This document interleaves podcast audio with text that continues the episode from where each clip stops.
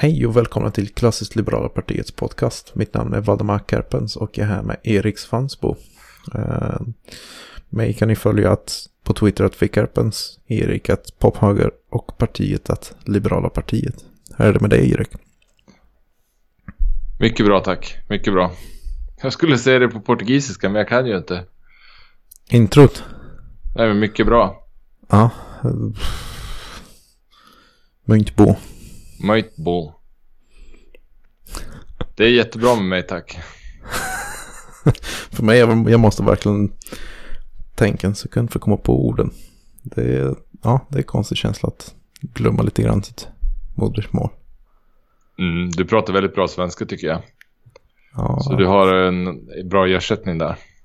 Ja, jag, jag vet inte om, om, det, om man fyller på med ett nytt språk att den andra går bort eller om det bara är övningsförmåga. Känner du att du är begränsad i svenskan ibland? För du känns som du pratar väldigt bra svenska. Ja, ibland. På grund jag, om, om det är specifika ord, då tänker jag på engelska. Då försöker jag hitta svenska ord. Då tar det en längre stund. Eller om jag verkligen får någon sorts block. Men jag har mycket mer ord för ord för tekniska grejer eftersom jag har läst på Chalmers. Mm. Det finns väldigt många ord som jag har ingen aning vad hur man ens skulle uttala dem på portugisiska. Så ja.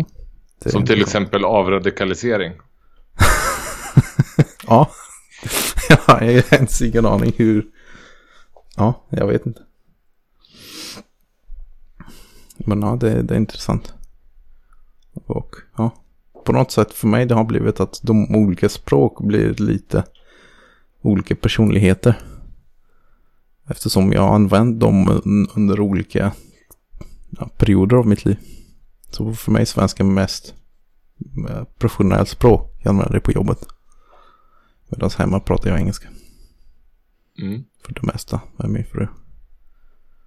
Så ja, det är lite weird. Speciellt när vi har gäster. För då måste jag prata svenska med dem annars de tycker att vi är konstiga. Men din fru pratar om svenska?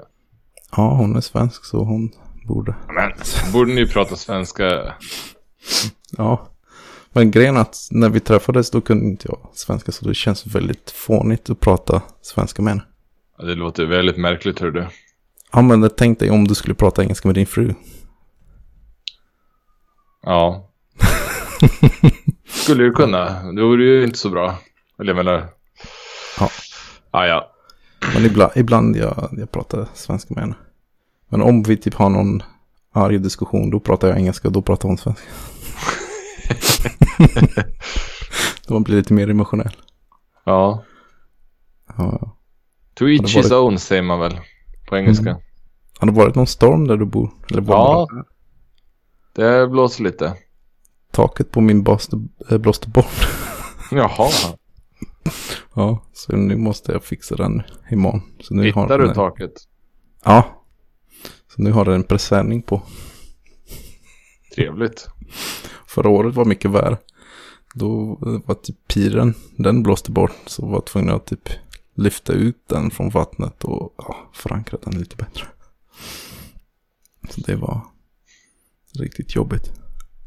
Ja, nej, det är mm. inget allvarligt som har hänt här. Mm. Det, ja.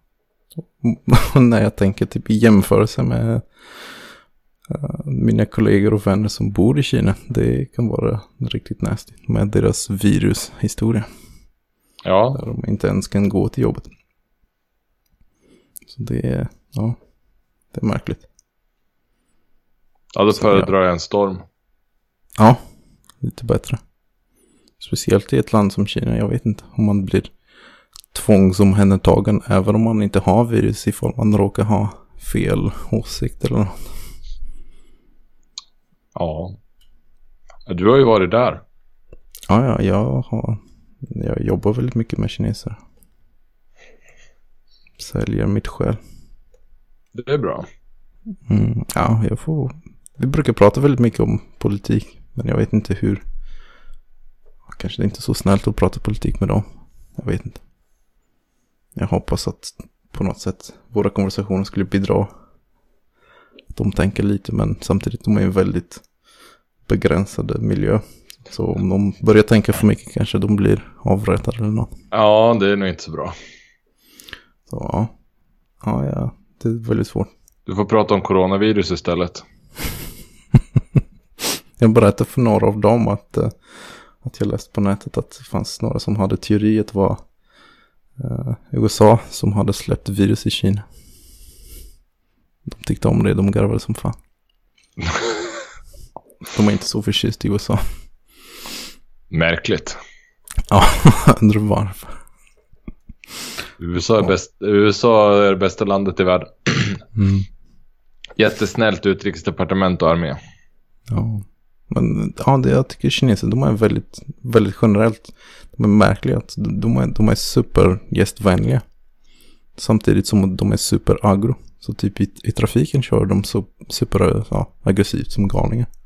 Men om de är, om du är deras gäst, då är de supertrevliga och erbjuder dig erbjuder sig att betala för middagen till den punkten där de nästan försöker brotta ner dig för att betala. Mm. Så ja, det, det är konstig kultur. Det är nästan motsatt av vår kultur.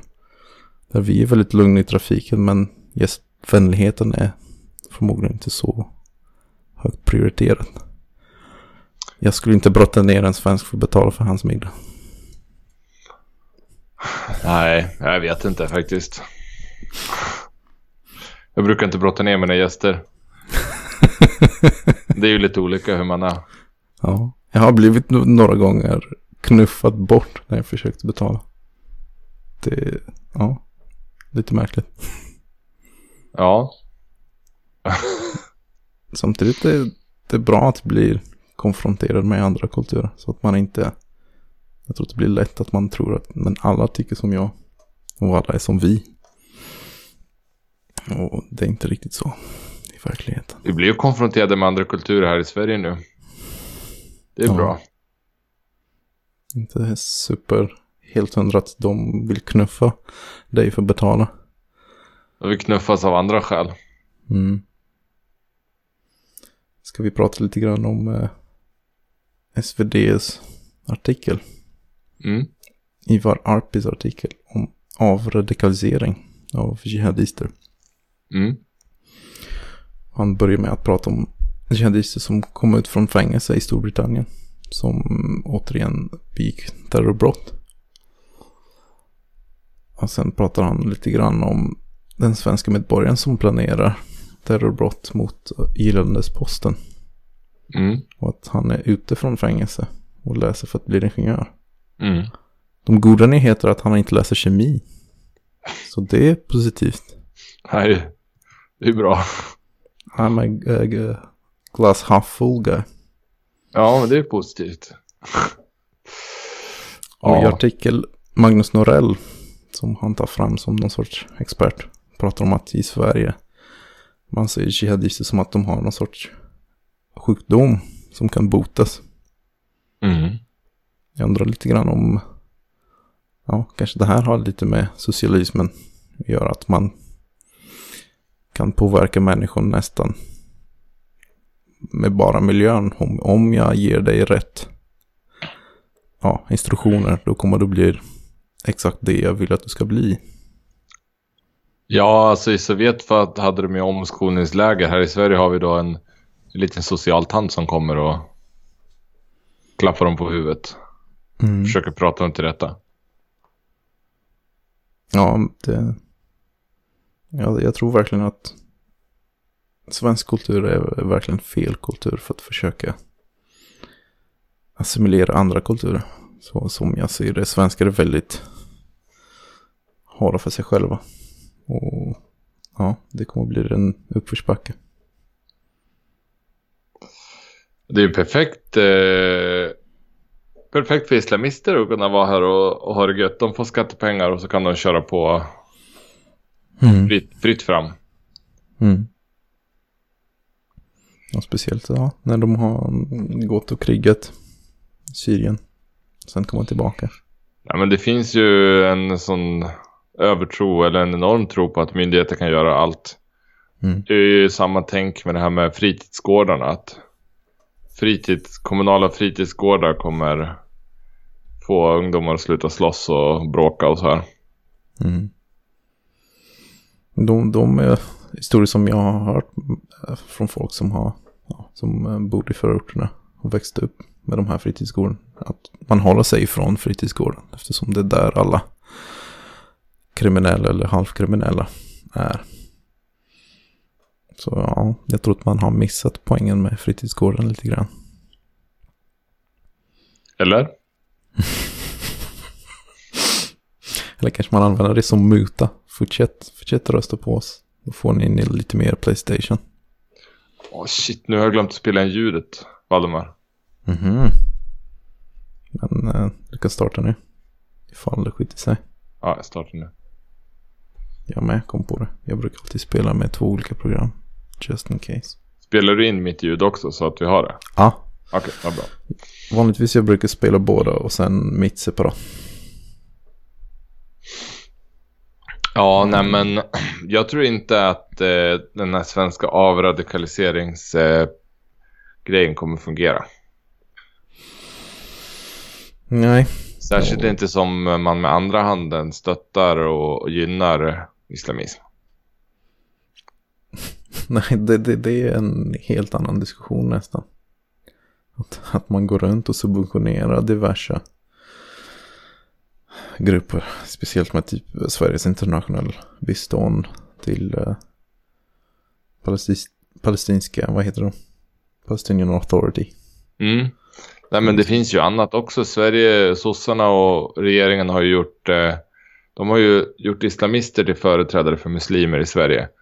Mm. Och, och eh, puffat upp dem med skattemedel och eh, men jag menar, jag tycker det är liksom det blir så, det blir, jag tycker så här, ja men det, det här är en förklaring då att, att det är alltså naiv, naiv idioti bara. Men den andra tanken som ibland känns mer logisk är, är ju att ja, men det är en ondskefull plan. Mm. Man vill stötta islamism, man vill stötta kriminalitet, man vill eh, man vill det man gör helt enkelt. Mm. Ja, ja det, det är ett sätt att se det. Att vad är frukten av den ideologi som du har? Mm. Och ja, i, idag var frukterna inte så trevliga. Nej men alltså, jag tycker det, det är ju den här diskussionen om managersamhället som Nordspotting brukar prata om. Att det finns en klass av människor som, som lever på skattemedel. Och de, de gynnas ju i viss mån av, av kriminalitet och, och eh, radikalisering eftersom det enda folk och politikerna kommer föreslå är nya statliga program för att, mm. för att det här ska åtgärdas. Eh, och eh, jag menar, kriminalitet i förorten är ju bra eftersom det upprätthåller deras eh, narrativ, alltså bilden av samhället som liksom diskriminerande och vilket i slutändan gör att de har ett existensberättigande. Mm. Och i slutändan, ja, ja, jag är inte helt hundra att socialister vill att till exempel inkomstskillnader ska minska. För då behövs de inte längre. Nej, precis. Då de förlorar makten. Så det är liksom ja. två, en sak vad man säger och en sak vad man gör då. Mm. Eh, som när, när, vad heter det, vad heter Veronica Palm den sosse kvinnan. Hon gick ut och förespråkade fritidsgårdar och så här. Hon skiter väl i om det funkar eller inte. Eh, att förespråka fritidsgårdar gör att hon har en, en funktion. Och om fritidsgårdarna inte funkar så har hon ännu mer funktion. För då behövs det mera förslag från henne. Och ja. Vad ska hon göra om alla problem löser sig? Om folk klarar sig själva, vad ska hon göra då? Plus hon, hon, ja, men det är exakt som hon säger, hon behöver inte leva med konsekvenserna. Hon är säkert Nej, alltså hon, eh, långt bort.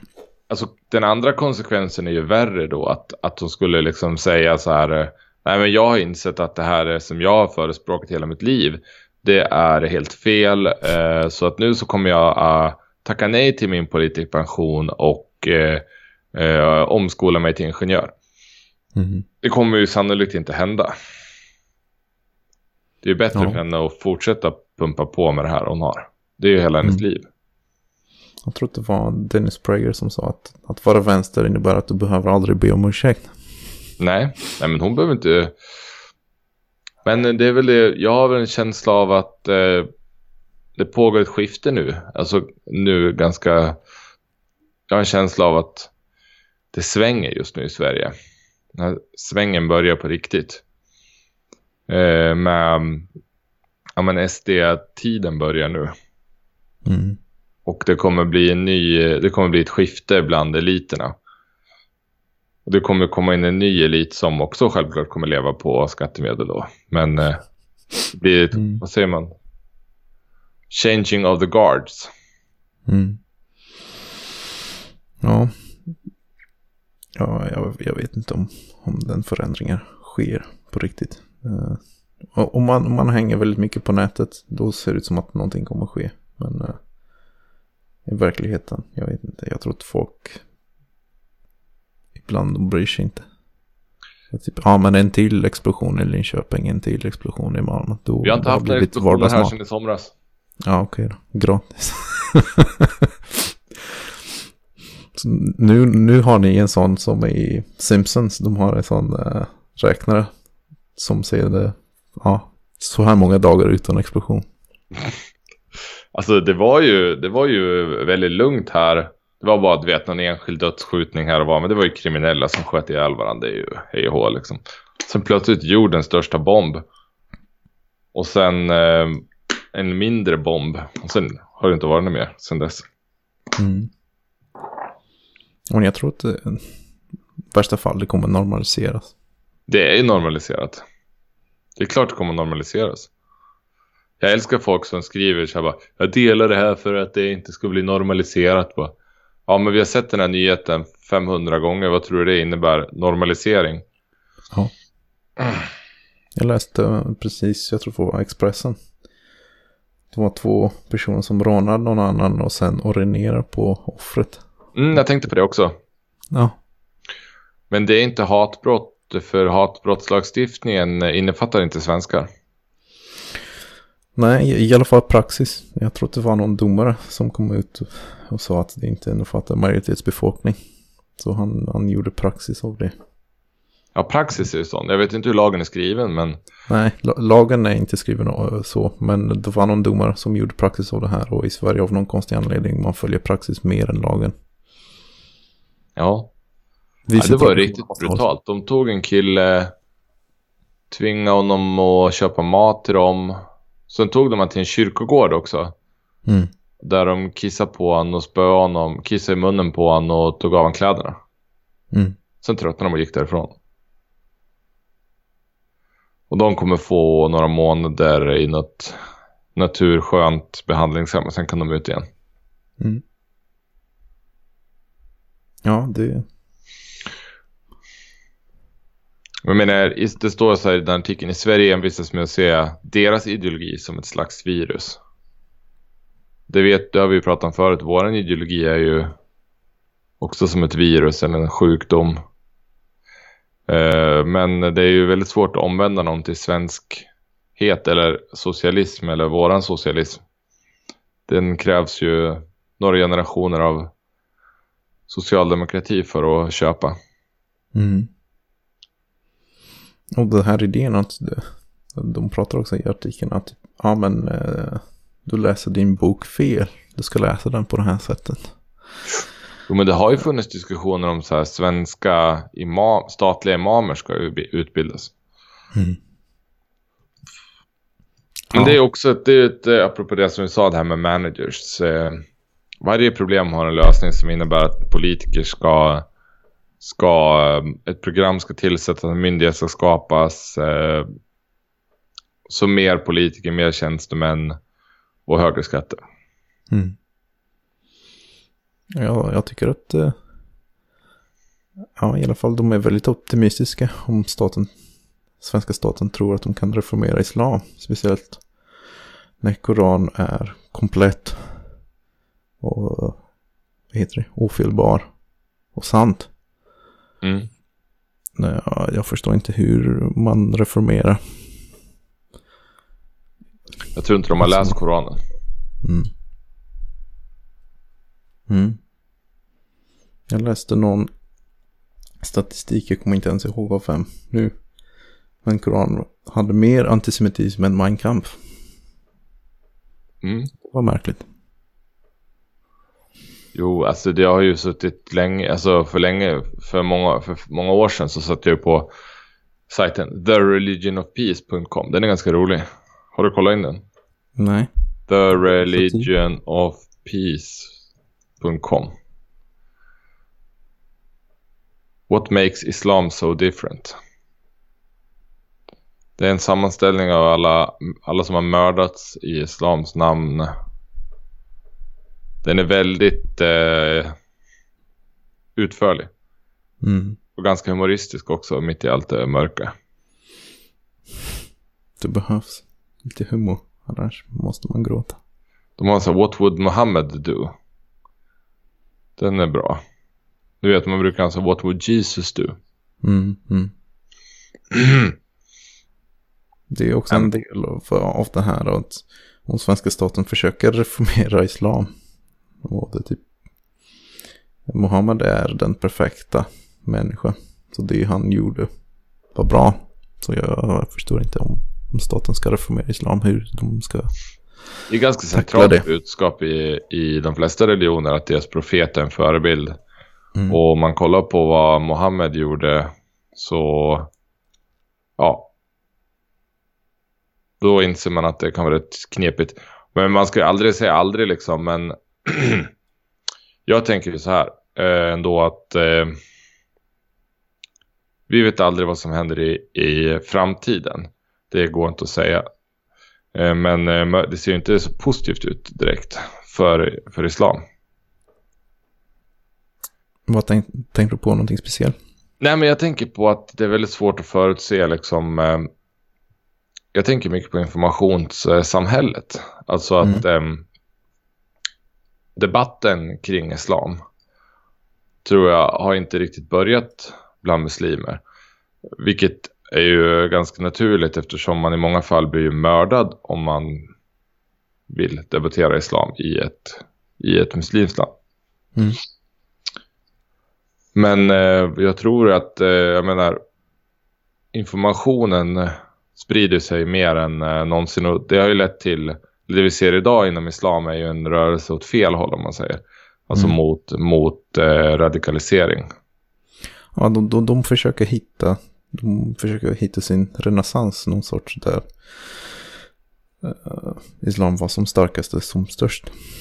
Men just eh, ändå så här eh, hur, hur religionen än ser ut så är islamismen eh, dagen, alltså det är ju ganska, alltså den här starka islamismen vi ser idag i västvärlden är ju ändå hyfsat modernt fenomen. Mm. Sen betyder ju inte det att islam var myspys förr i tiden, men det är det jag menar är att jag tror att när, när ingen kan förutse hur framtiden ser ut. Men eh, ja, det är väl det jag menar egentligen.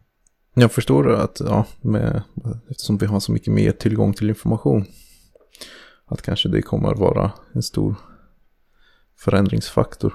Men när, när jag tänker på historien, eh, Portugals historien till exempel, eh, portugiser har slagits mot islamister i typ 1200 år.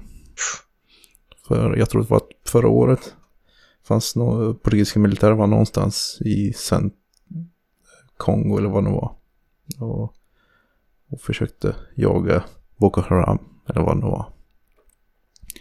Så ja, det, jag tror inte att de här är små rörelser som är trendiga. Nej, nej, absolut inte.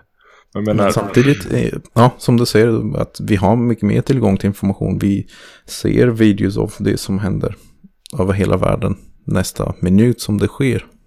Så det, det kan vara en väldigt viktig faktor. Men det som verkligen händer, jag menar, reaktionen på islam eh, ser vi ju världen över, eller i västvärlden i alla fall, eh, pågår ju motreaktioner i varje land. Jag menar, det finns ju en anledning till att Sverigedemokraterna ligger på över 20 procent.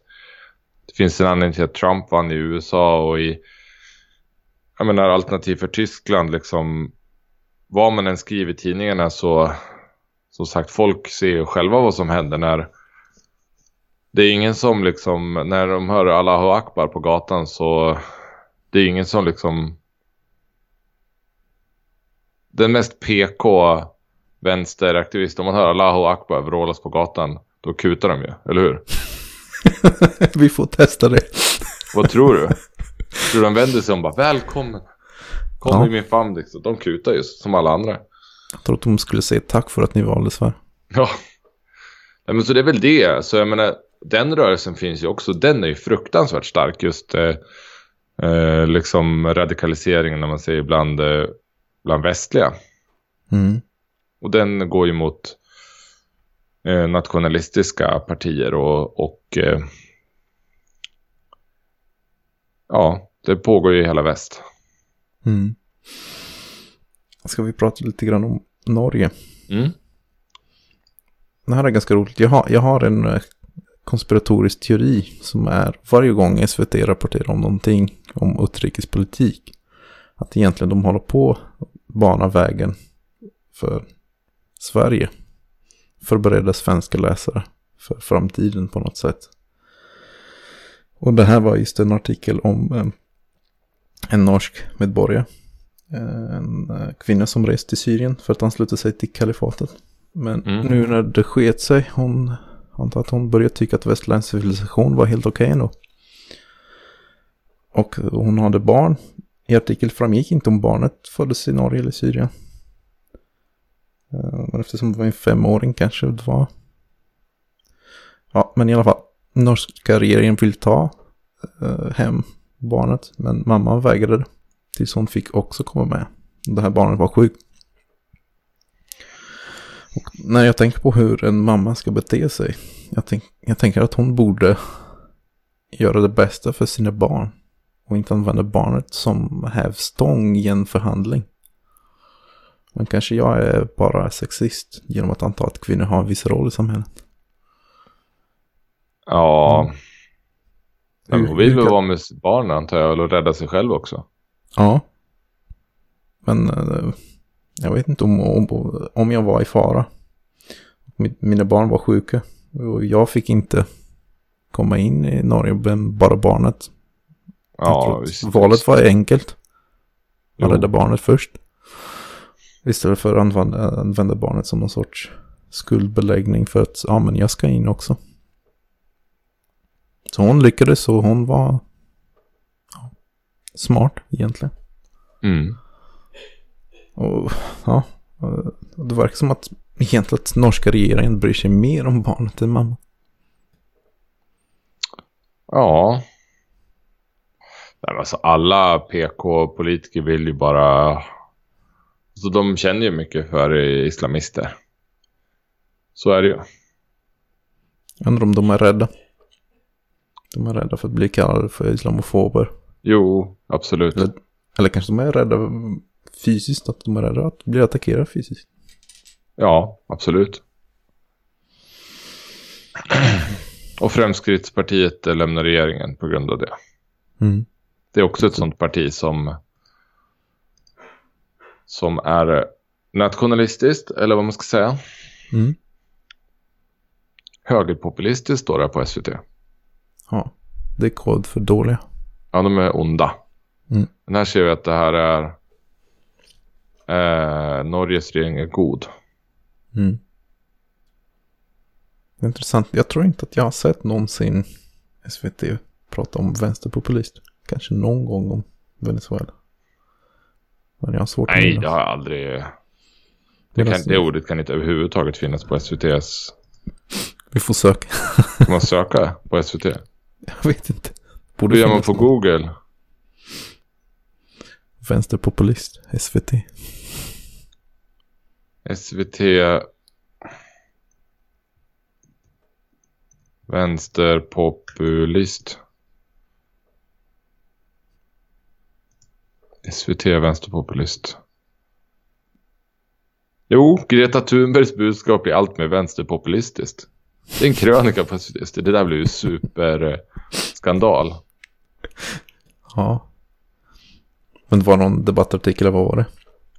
Det var en krönika av en... Eh, det är enda gången det stått vänsterpopulist på SVT. Mm. Ja men hon har vänsterpopulistagent. Jag har Ja. svårt att tro att hon är för, ja men eh, låt den fria marknaden lösa klimatproblem. Eller eh, mängd plast i havet och sådana grejer. Snart blir det skatt på plastpåsar. Har du bunkrat upp? Nej. Man är inte redan skatt på plastpåsar. Första mars tror jag.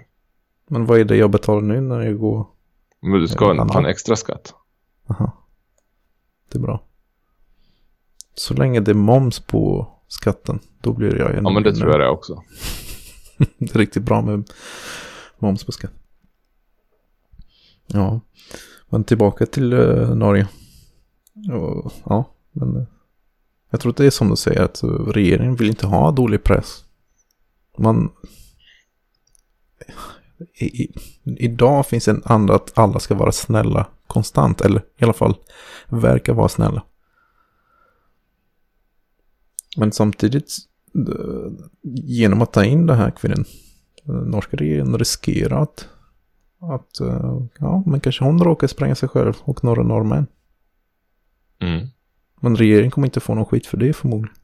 Nej, inte av. Jag vet inte hur norsk media men. Det är ju det här med som vi pratade om tidigare. Just den här klassen av. Av. Um, skatt, managers. Skattefinansierade. De, de vad heter det. Gynnas ju av. eh, Av det här och de håller varandra om ryggen. Mm. De här högerpopulistiska. Det, vi har ju ingen högerpopulistisk. Eh, elit i, i Sverige eller Norge eller så det är risk, riskfritt. Jag vet inte om det är riskfritt men. Som sagt det är ju som, vad säger man? Kattmynta för politiker med att hj- hjälpa IS Mm. folk. Ja, men det är att man, man, vill, man vill verka vara tolerant. Ja. Ja, men vi är tolerant mot de mest intoleranta. Kolla vad snälla och frälsta vi är. Mm. Och då, ja.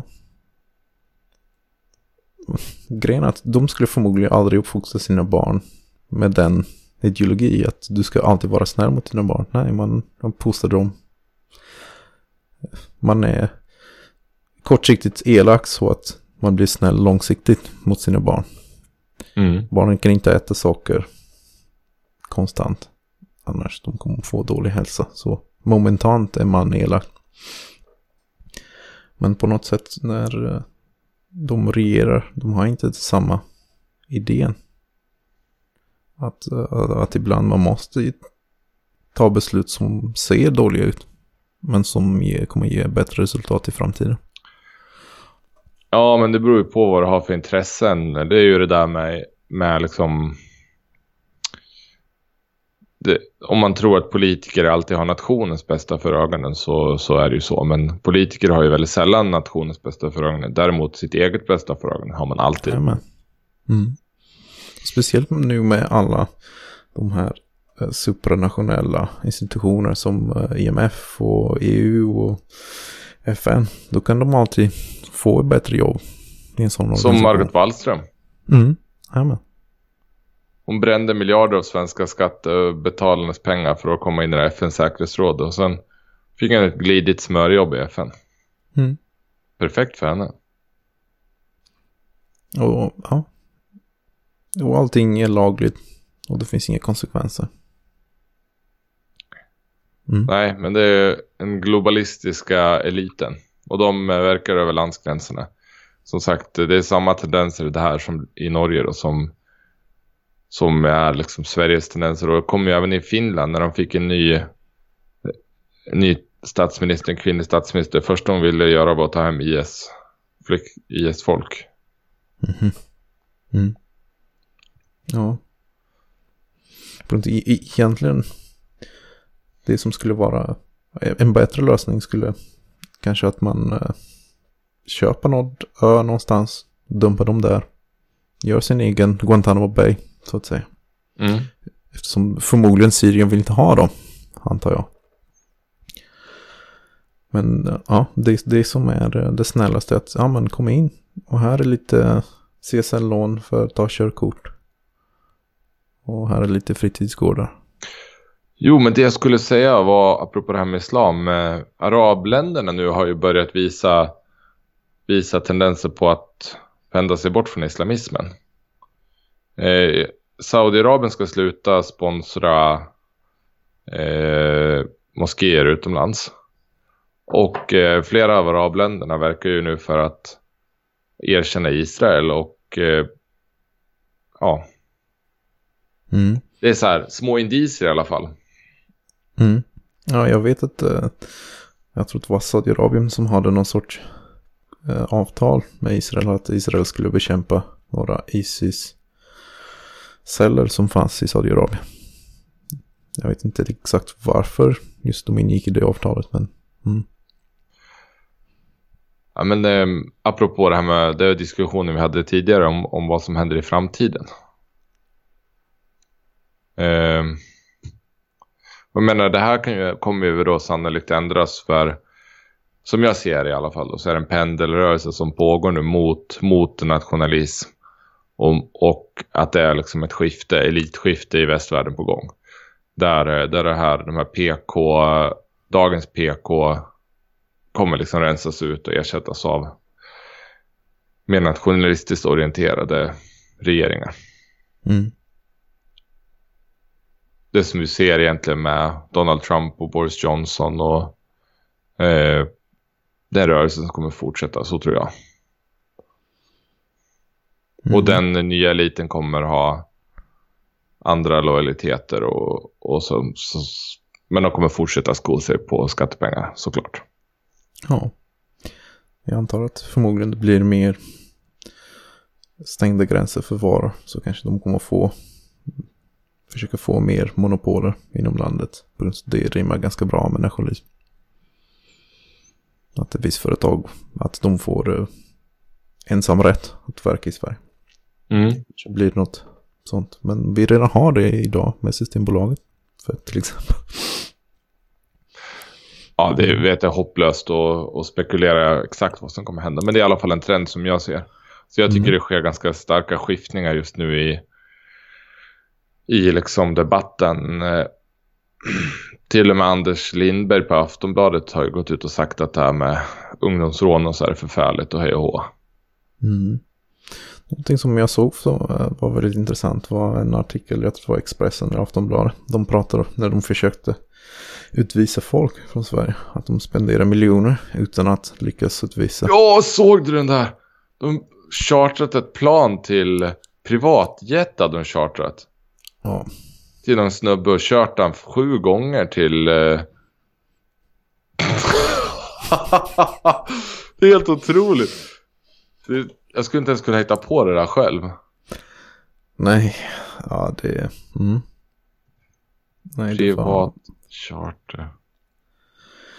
Och- Ja, och det sjukaste med det här är typ, ja det, det är början på återvandring. Men det är återvandring. Fyra Ja, resor så- för en miljon. Ändå är Mohammed kvar. Mm. I ett år försökte myndigheterna utvisa Mohammed tillbaka till Sudan. Fyra gånger försökte de med chartrade privatflyg och vanligt reguljärflyg. I, I det här läget det skulle vara bättre att outsourca till någon svart taxi. Bara köra ner honom. Det skulle vara billigare. Det skulle inte kosta en miljon att köra från Sverige till Sudan. Men jag menar, det här visar ju bara så här. Man tror då, här tror vi då att en myndighets, eh, den här myndighetens syfte är att, är att utvisa Mohammed. Men den här myndighetens syfte är att bränna pengar och gynna de som jobbar på myndigheten. Det är det som gäller. Ja, men det är inte deras pengar. De, de, de har inte jobbat för de här pengarna. Nej. De har väl bara presentera, göra en liten powerpoint och presentera det för sin minister och typ, ja, så här mycket pengar behöver vi för att åstadkomma de här målen. Och där får de pengar och sen nästa år, ja men ni har inte åstadkommit målen, ja men det, vi behöver mer pengar för att åstadkomma målen. Och då får de mer pengar. Mm. Men jag menar, i det här fallet så bygger det också på såklart att eh, regeringen vill ju inte utvisa den här typ, de vill inte utvisa kriminella invandrare och, och sådär. Nej. Om de ville det på riktigt så skulle det bli liksom, då skulle det bli åka av. Och, det finns alternativ. Det finns som i Australien där de anlitar ett tredje land. De betalar ett tredje land för att ta in dem i ett fängelse. Eller att göra som i USA.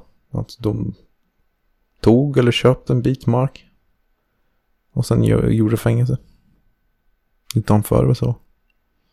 Ja. Ja, nej men.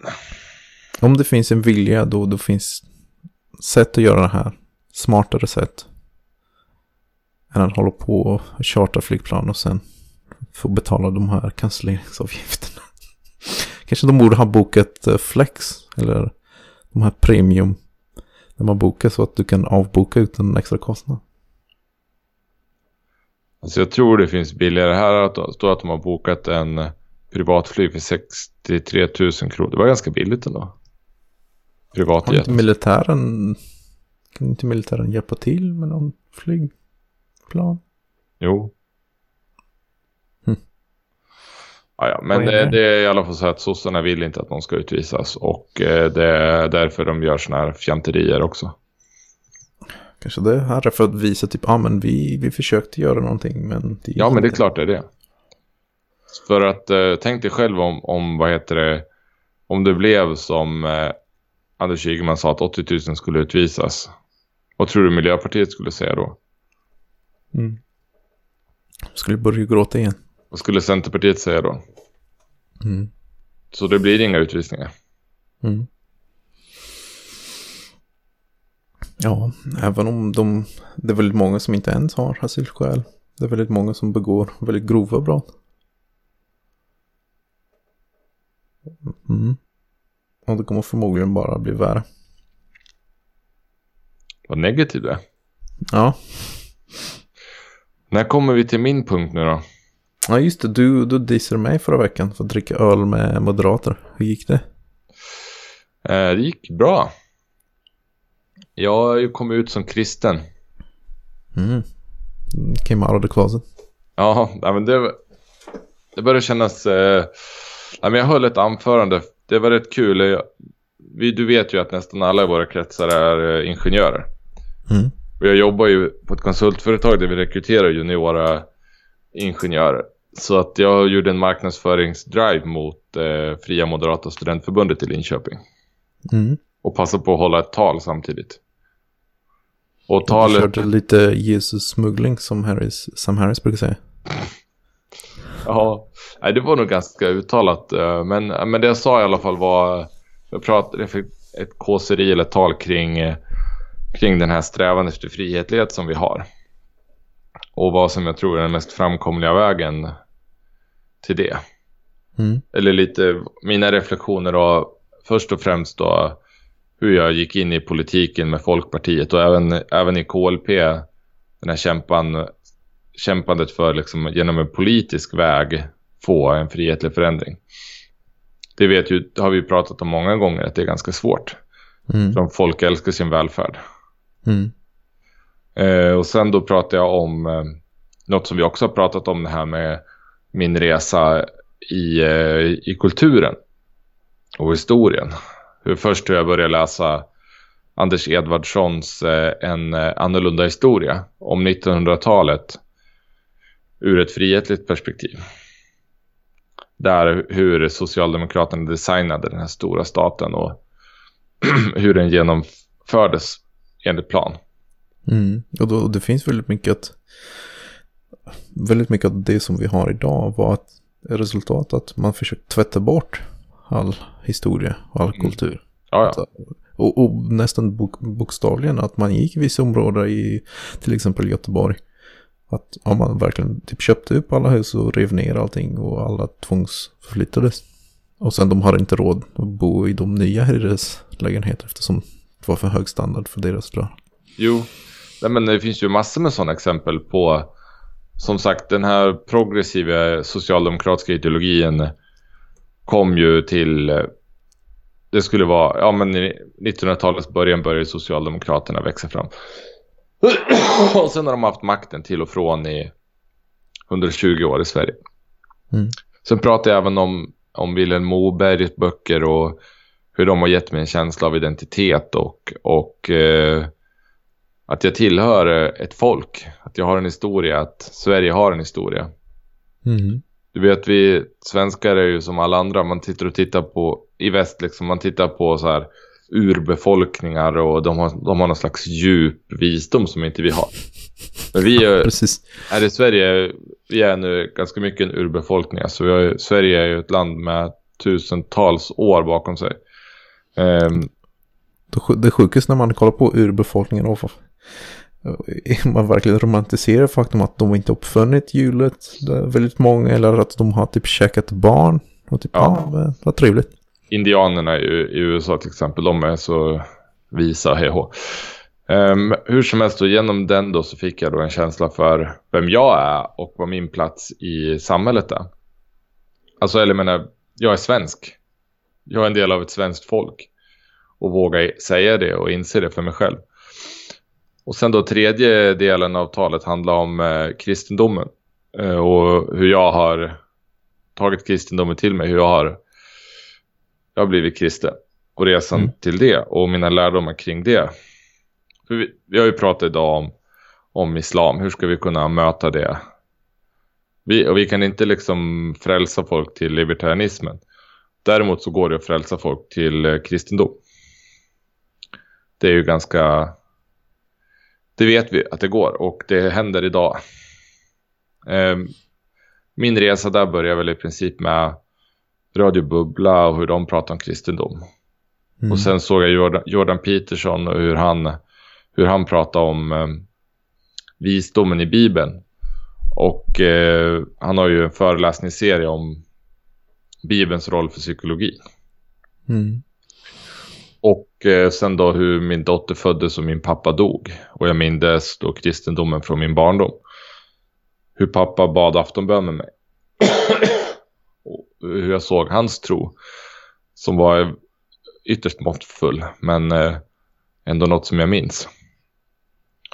Och vi beslutade att döpa vår dotter. Och att hon ska få en kristen. Att kristendomen ska vara en del av hennes barndom. Och hennes ja, att hon ska uppfostra ett kristet helt enkelt. Och sen då hur jag såg Sebastian Staxet och hans berättelse. Känner du till honom? Nej. Han är en gammal gangsterrappare. Han hade ett band som heter Kartellen. Mm -hmm. Han var först ut med den riktigt brutala gangsterrappen och han skulle döda Jimmy Åkesson och grejer. Alltså han har varit superkriminell och ja, men mm. allt sånt här som är så fint och bra i Sverige att vara. Eh, men nu har han blivit frälst. Han, han vart, eh, det kriminella livet tog honom till självmordets gräns då. Och där så blev det en vändning och över tid så, så har han blivit frälst. och idag så jobbar han som predikant för Livets Ord. Um, och jag hörde en intervju med honom och jag blev väldigt berörd av hans berättelse och, och hur han kände att evangeliet var väldigt kraftfullt. Han berättade om hur han åker ut och predikar på fängelser. Och just hur människor då dramatiskt blir berörda av, av Jesus och frälsta. Så jag tyckte det här lät väldigt spännande så att jag bestämde mig för att läsa Nya Testamentet. Mm. Och det har jag gjort nu. Med ett öppet hjärta och, och, och, och förväntan då. Eftersom det verkar som det kan hända spännande grejer med när Jesus är med i matchen. Och grejen är att om man tar den mainstreamkulturen att det är mest materialism. Att vi bara påsar med kött som går runt. Då har lite kemikalier som gör att vi agerar lite så och så. Då blir det riktigt svårt att gå igenom super jobbiga situationer där du ser ingen väg ut. Och, ja, och väldigt mycket av strukturen i vårt samhälle är inte byggt för det. Vårt rättssystem är byggt för att människor har en viss värde och inte att de är en köttpåse. Eh, ja, men samtidigt kanske den idén att man nästan har tappat lite människovärdet. Det kanske det är det man ser i rättsväsendet när man ser att våldtäktsmän får extremt milda straff. Att man har slutat se på, på människan som någonting extremt värdefullt. Och man bara ser dem som, ja ah, men de är bara eh, skattebetalare. Ja, jag... absolut. Jo, men eh, det som är intressant är att just det där står ju i Bibeln också. att när människor inte följer Gud så, så blir de extremt egocentriska och, och lever bara för eh, kortsiktiga nöjen och lust, sin lust. Och det tycker jag är väldigt tydligt att det är så i samhället idag. Någonting som jag tycker att det är eh, användbar med eh, religiositet är att socialism egentligen är en helhetsideologi. Och om vi försöker bekämpa den från höger med bara tackla ekonomidelen, då tror jag inte att vi kommer lyckas. Nej, det tror inte jag heller. Eftersom socialism har byggt in också en moral. Och det är det här att, typ, eh, att staten ska ha monopol över alkoholen eftersom det är dåligt, eller ja, det, det kan finnas dåliga konsekvenser med att dricka för mycket alkohol. Så det finns det här inbyggd moral i socialism. Så när man kommer fram och säger, ja ah, men jag tycker att uh, Systembolaget, oj förlåt, att Systembolaget ska inte finnas kvar. Då får man alltid som svar, ja ah, men då tycker du att alla ska gå runt berusade hela tiden.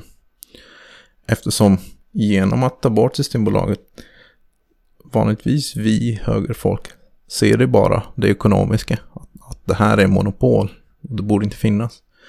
Men socialister egentligen ser två grejer. De ser det ekonomiska och de ser moralen bakom det. Mm. Jag, jag stödjer inte alkoholism.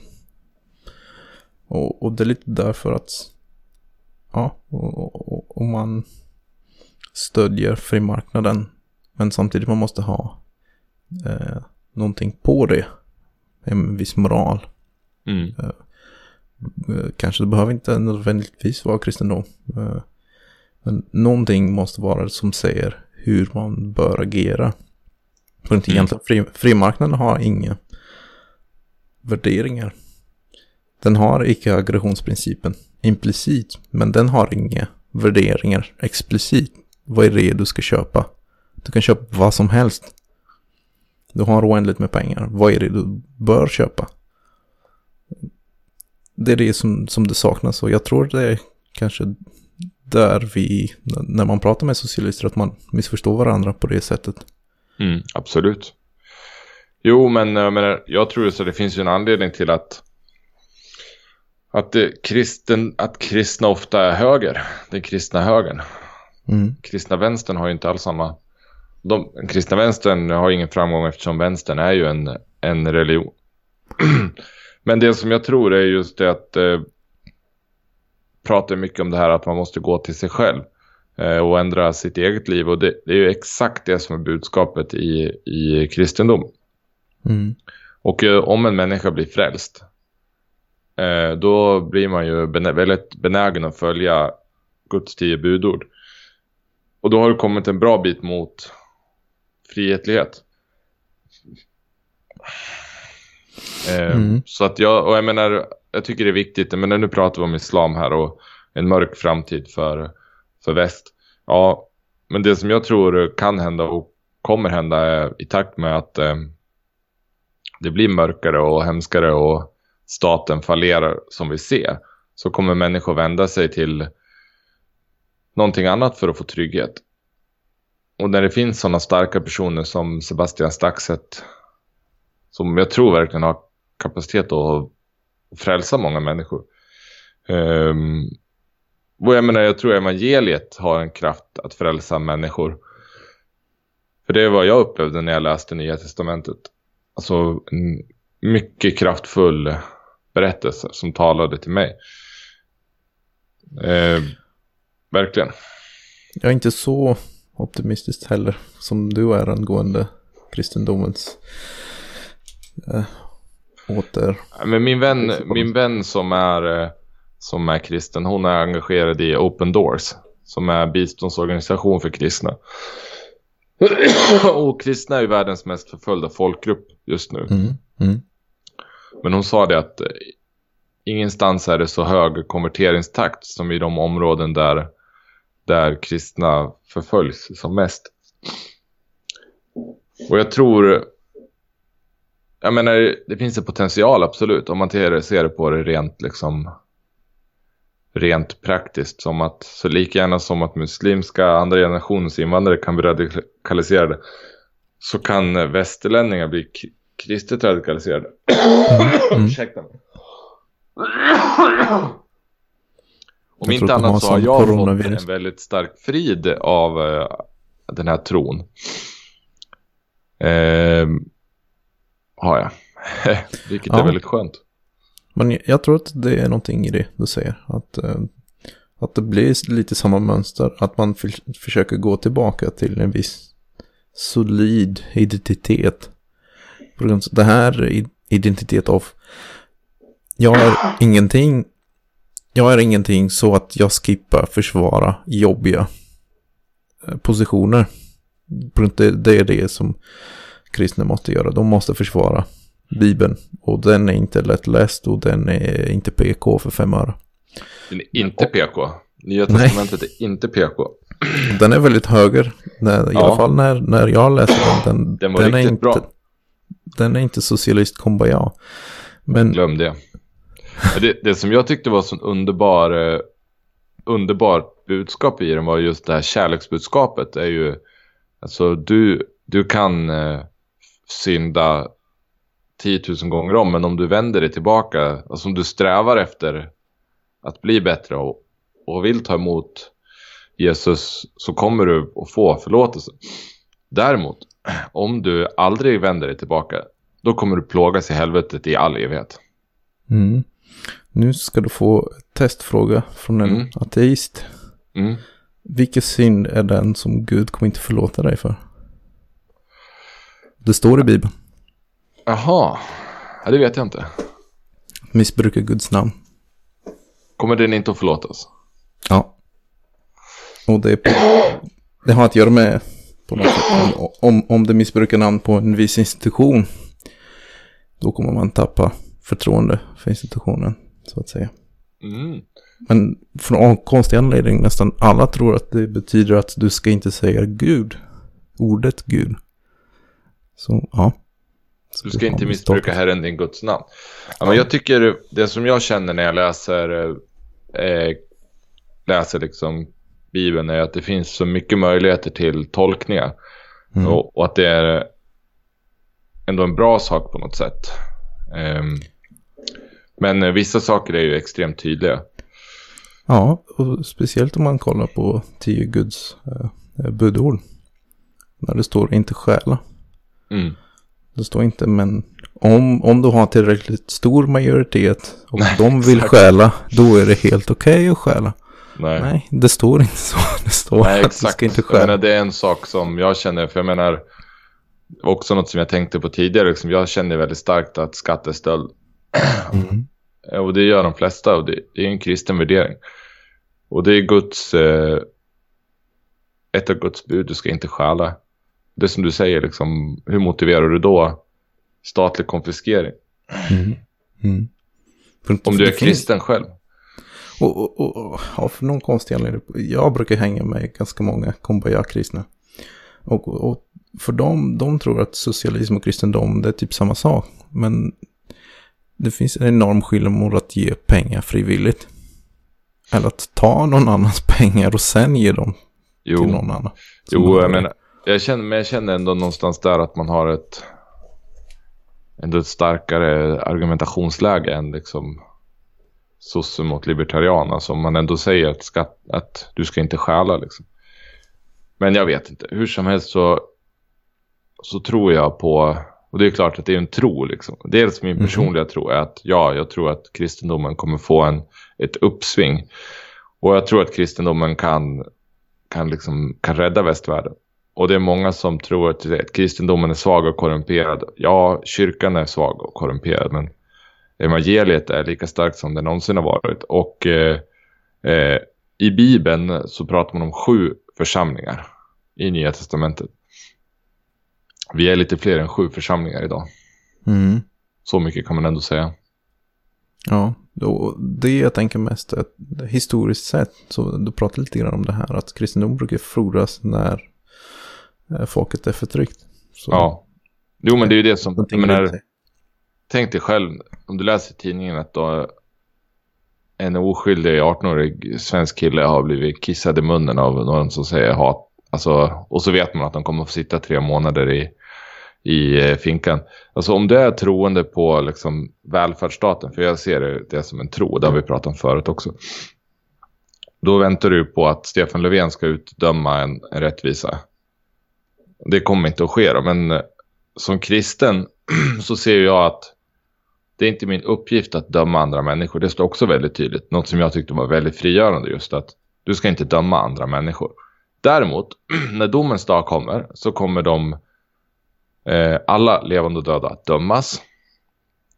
Och då kommer de dömas jag tyckte de kommer dömas hårt. De kommer plågas i all evig tid. Om de inte har levt rättfärdigt och liksom vill också ta emot förlåtelsen. Eh, alltså, och dessutom så är det så här att domens dag kan komma när som helst. Den kan komma i, imorgon eller om en miljon år. Det vet inte vi. Men mm. den kommer komma. Enligt som det står i Bibeln så kommer den komma. Och med det förhållningssättet så upplevde jag ett stort lugn att rättvisa kommer skipas. Men det är inte mitt jobb att göra det. Utan det kommer Jesus göra. Och samtidigt, det, ja, det är tro. Det är samma sak som ja, tro till socialism. I, I slutändan, till och med matte, du kommer vara tvungen att tro på någonting. I matte det är axiom. Mm. Säger A är lika med A. Och om A är lika med B och det innebär att och B är lika med C, det innebär A är lika med, med C. Och det här är bara tro. Men i dagsläget i vårt samhälle, vi, vi har tro att det finns någonting supersolid som du kan bygga dig ifrån. Att, eh, att det finns en rent objektiv sanning där du inte behöver ha någon sorts tro. Att det går att bevisa allting. Men ja, jag är inte helt övertygad att det stämmer. Nej men det är som du säger ett axiom och jag kände bara så här att Jordan Peterson sa ju det att vi har alltid en religion. Mm. Och jag kände bara så här att men jag ger mig hän, nu ger jag mig hän åt det här. Jag är kristen och jag läser inte Bibeln med ett kritiskt öga alls utan snarare med en största vilja att förstå och ta till mig det som står. Jag är inte ute efter att frågasätta utan att försöka ta till mig det som, som står. Med insikten om att kristendomen har skapat det här samhället som vi lever i, alltså västvärlden, det mest fantastiska samhället på, på jorden, har skapats genom kristendomen. Så då tror jag det finns någonting där att hämta. Ja, och om man kollar på tio Guds eh, budord, väldigt mycket av det är i alla fall synkroniserat med frihetligt samhälle. Att inte mörda, inte stjäla.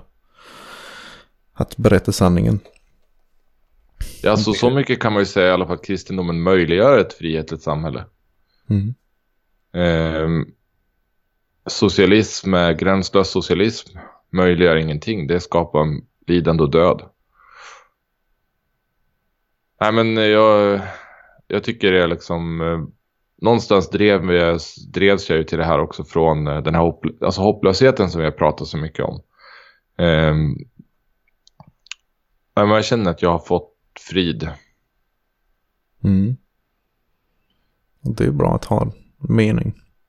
Mening och frid och uh, jag ber aftonbön med min dotter. Mm. Och det mm. känns uh, rikt och meningsfullt. Jag sa till de här 20-åringarna att eh, fimpa det här med karriär och utbildning och så här, skaffa barn, gifter och skaffa barn så fort som möjligt. Så du var där för att lobba för ditt företag och så, så skit Man måste ut och preacha lite. Det är min början som predikant här. Preach. Ja. Men nu är det så, många, inte, många libertarianer är ju väldigt intellektuella personer så kanske har lite svårt för det men Nej men som sagt, jag menar... Jag tror till och med det står någonting i Bibeln om att kyrkan kommer bli korrumperad. Och det är ju helt naturligt, det vet vi ju. Liksom, korruption är ju en del av, av allt, men jag upplevde att Nya Testamentets budskap är väldigt kraftfullt och vitalt. Och det kommer alltid ske. Om du skapar en institution som är gjord av människor, då kommer det bli korrumperat. Ja, absolut. Det, det är helt självklart. Som sagt, jag har ju till och med gått med i Svenska kyrkan. Jag fick ju lite frågor om det eh, på den där kvällen. Och jag sa det att jag, jag har inget förtroende för Svenska kyrkans ledning överhuvudtaget. Eh, men jag vill vara en del av den lokala gemenskapen här där jag bor. och jag, ja, det är en kulturell fråga. Tradition och sådana saker. Och Svenska kyrkan, är, ja, det är väldigt märkligt fenomen. Jag tror till och med i Sveriges grundlag det står någonting att de är tvungna att vara av den lutherska tro. Ja. Så det är intressant. Det är i alla fall kungen och drottningen måste vara det. Ja, men jag tror kyrkan också måste vara. Jag tror inte att Svenska kyrkan kan ändra sig. Nej. Det är lite märkligt. Det måste vara Sen... den socialdemokratiska tron också.